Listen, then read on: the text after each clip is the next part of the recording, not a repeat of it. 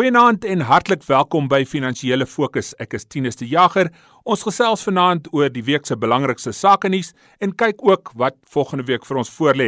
My gaste vanaand is François Du Plessis, besturende direkteur van Vega Batebestuur. Goeienaand François. Goeienaand Tinus. En Jean-Pierre Verster, bestuurshoof van Protea Capital Management. Goeienaand Jean-Pierre. Goeienaand Tinus en François, lekker om saam met julle te gesels. François, as ek miskien met jou kan begin, as ons eers kyk na Indië op die internasionale markte, dit lyk asof hulle hulle belastingkoers verlaag het. Ja, Indië het uh, aangekondig die week dat hulle maatskappy belastingkoers gaan verlaag van 30% na 22% om hulle self uh, meer belastingvriendelik te maak en die aandelemark het ook baie goed uh, gereageer daarop. Die plaaslike regering miskien 'n wenk hierby kan neem maar as 'n mens kyk na wat op die uh, plaaslike front gebeur het waar die regering of die nasionale tesourier genoop was om grootweek soveel as 75 miljard rand internasionaal te gaan leen, uh, dink ek die kanse is maar redelik skraal dat ons so 'n verwikkeling sal sien. Dink jy ons mark is ryp vir so iets? Vir uh, meer beleggingsvriendelike beleid verseker, maar uh, gegee die fiskale klimaat dink ek uh nie ons kan enige belastingverligting verwag wanneer die uh minister van finansies die 30ste Oktober sy mediumtermyn begrotings uh, toespraak hou nie. Jean-Pierre, jou jou gedagte rondom belastingverlagings vir vir maatskappye? Ja, ek stem breedweg saam met Frans. So ek dink uh, dit is goed in in ander lande om dit te sien uh, gebeur, want in Suid-Afrika sal dit moeilik kan gebeur weens die druk wat die finansies van die regering onder is. So alhoewel dit miskien nie belastingverlaging sal wees nie, dink ek dit is goed as ons meer vriendelike reëls en regulasies sien om regtig die besigheidssektor te help om groei aan te wakker. Want dit is wat ons kort op die oomblik in Suid-Afrika. Ons kort sterker ekonomiese groei wat noodwendig gedryf word deur die private sektor as die grootste grootste werkskepper in die ekonomie. En deur daai groter groei en meer werkskepping kan ons dan meer mense in diens neem en meer uh uh besoldiging betaal, salarisse en lone, sodat daar meer uh uh spandering kan wees in die ekonomie. So dit is bietjie van 'n van 'n sikliese uh situasie waar ons moet probeer bietjie meer help aan besigheid se kant sodat besigheid weer die ekonomie kan help en derhalwe die regering kan help met beter uh, uh belastinginkomste. En ons is almal hoopvol in Suid-Afrika dat dit sal gebeur, maar ons wag ook nou al 'n langryk vir dit om te gebeur. Ons het uh, die afgelope week gesien by die ANC se kotla op uh, erfenisdag wat hopelik is die Tumbeweni se plan nou wel aanvaar deur die ANC en die regering, sodat ons nou uiteindelik hopelik die plan in werking kan kry en wel die kan afskop om te probeer groei aanwakker in die Suid-Afrikaanse ekonomie. As jy praat van die sikliese proses wat plaasvind om om groei te stimuleer, dan kyk 'n mens na die medium en langtermyn, maar so 'n belastingkoersverlaging vir vir besighede kan dalk selfs op die korttermyn help. Kyk, dit kan help, maar weer eens, ek dink as mense dink aan die ANC en en veral die linksgesindes binne die ANC koalisie, kan dit nie sien hoe dit polities moontlik kan wees op die oomblik om belastingkoerse te verlaag nie. Uh mense moet onthou dat ons dalk klaar 'n baie onegalige en en 'n um, manier in terme van belastinginvordering waar 'n baie klein persentasie van maatskappye en individue die meerderheid van die inkomste belastinginkomste van die regering uh, uh bydra en ook derhalwe die die grootste deel van die ehm um, die die sosiale uitbetalings betaal in hierdie land wat tot 'n derde van mense op daai betalings is. So in in teorie is dit goed en vir Indië is dit goed, maar ek kan nie sien hoe dit ons uh, politieke situasie enigstens afdryf sal kry nie. Al al sou dit in teorie goed wees vir die ekonomie. Franswa dan sou ook ontwikkelinge op die tabakfront. E-sigarette het 'n het 'n paar slegte slegte nuusbrokkies teen hulle gehad, maar dit lyk vir my Philip Morris en en Altria jy het vroeër van hulle gepraat. Ja, punt nommer 1, dit is 'n uh, algemene feit dat die tabakverbruik, tabak is 'n gered verkope uh, internasionaal besig is om uh, aansienlik af te neem en daar was aansienlike hoop geplaas die laaste jaar of 3 dat die sogenaamde nuwe generasie produkte. En dit is die e-sigarette, vaping soos dit ook bekend staan, maar die laaste ruk was daar al meer en meer uh gevalle waar daar mense was wat uh oorlede is as gevolg van hierdie gebruik van die e-sigarette. En owerhede fokus nou al meer en meer om uh veral die advertensie of die bemarking uh van hierdie produkte aan uh, veral kinders hok te slaan en uh vroeër die jaar was daar uh samesprekings gewees in opsigte van 'n moontlike samesmelting tussen uh, die reuse tabakgroepe Philip Morris en Altria. En vroeër die week daar uh, aangekondig dat uh, hierdie uh, samesprekings nie meer uh, voortgaan nie nadat dit opgeskort is en uh, Altria hou 35% van uh, die nuwe generasie produk uh, maatskappy Juul en dan uh, ook vroeër die week het uh, Imperial Brands uh, die Londense genoteerde tabakmaatskappy die mark geskok uh, met 'n winswaarskuwing die aandeleprys uh, 13% laer gesluit. En dit uh, is nadat hy gesê het dat uh, hy nou geen groei in verdienste verwag nie en so onlangs as Mei maand het hy nog uh, vir die mark gesê dat hy groei van uh, soveel as 4% verwag. Daar's nog steeds 'n redelike onsekerheid teenoor die groei vooruitsigte vir die tabaksektor en uh, alhoewel die sektor na redelike goeie waarde lyk, is daar is die groei vooruitsigte redelik uh, onseker. Jean-Pierre, hoe raak dit die tabaksektor in Suid-Afrika dan? Wel die groot tabakmaatskappy wat natuurlik hier genoteer is, is British American Tobacco. En uh dit het druk op hulle ook gesit hierdie geval eerstens van e-sigarette wat baie vinnig markandeel gewen het ten koste van tradisionele sigarette. Meestal ook omdat uh, hulle soort van probeer impliseer dat dit baie gesonder is. Dat omdat die produk die e-sigaret uh, nie 'n produk is waar jy enigiets brand nie, dit jy wil minder teer en ander produkte of elemente het wat dan deur die longe ingeasem is en baie sleg is. Uh, maar dit het natuurlik nog steeds baie hoë nikotienvlakke en dit beteken is nog steeds hoogs verslawend sodat die tabakmaatskappye wat hierdie nuwe generasie produkte verkoop nog steeds baie geld kan maak en kan seker maak dat hulle uh, kliënte is verslaaf aan die produk en sal aanhou om die produk te koop en te gebruik. Nou, dis baie interessant om te sien dat meer onlangs het uitgekom dat daar het nou heelwat mense in Amerika siek geword as gevolg van die gebruik van hierdie e-sigarette. So vir die eerste keer het die reguleerders gekyk en gesê, hoorie so, miskien is dit nie soveel gesonder as 'n tradisionele sigaret nie.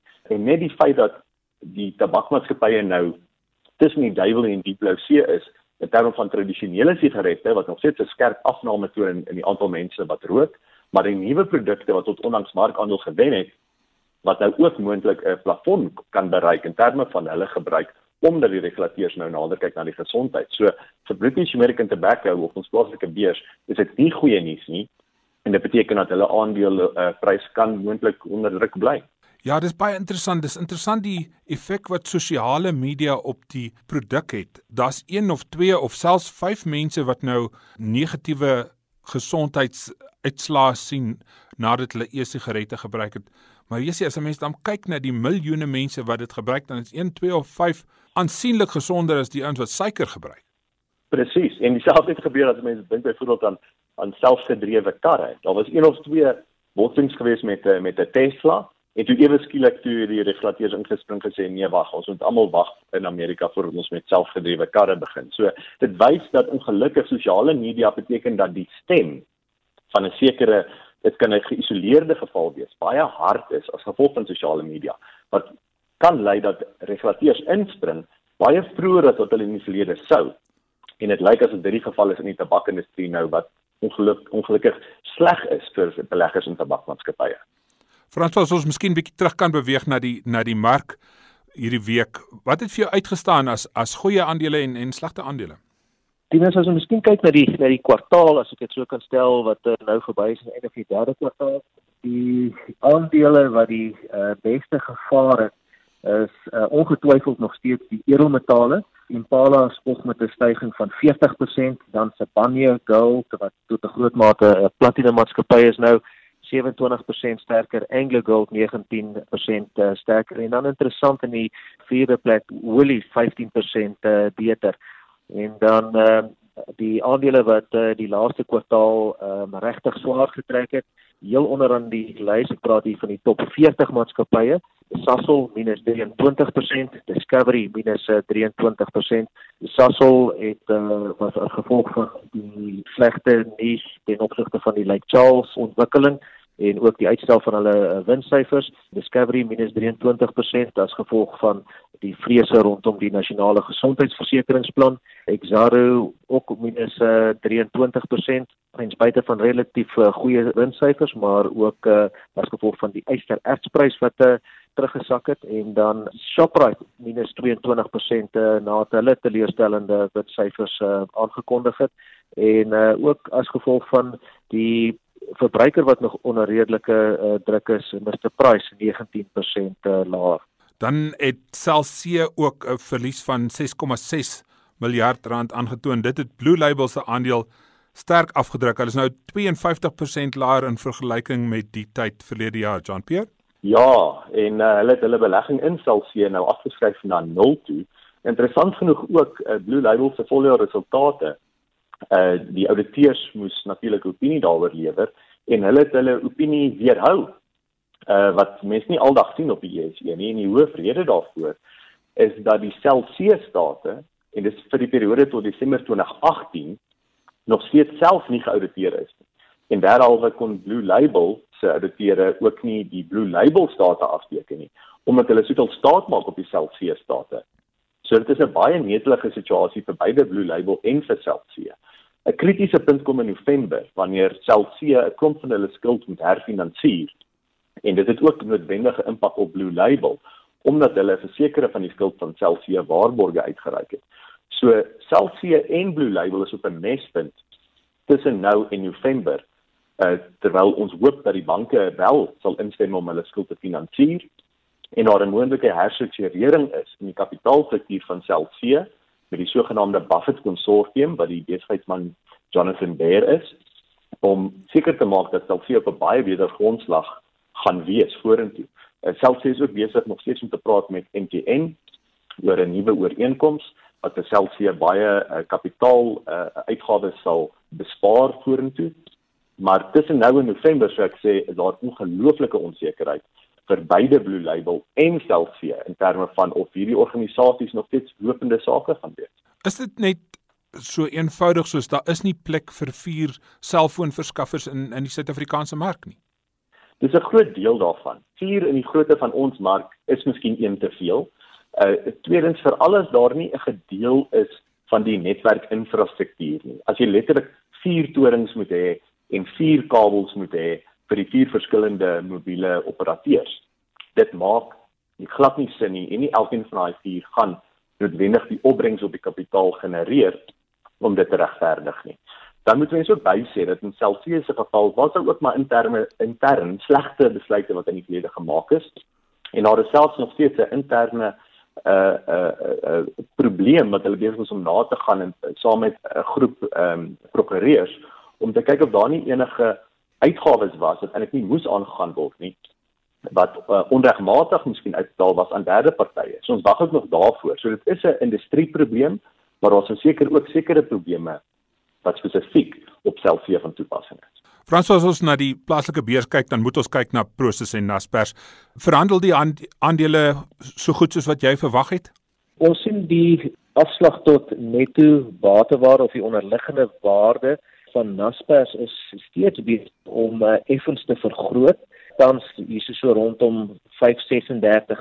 Prosus het ook sedert die 11de September was die beste vlak dink ek hier rondom 10% eh, tot uh, die onderliggende batewaarde intussen uh, ook vergroot na omtrent 20% maar ek dink op hierdie stadium bied uh, Prosus steeds beter relatiewe waarde tot Naspers en uh, proses is nou in die proses om stadig maar seker in van die Europese aandele indekse uh, ingesluit te word. Dit begin uh, by die kleiner aandele indekse en dit sal eers uh, volgende jaar in die Euro Stoxx 50 ingesluit word.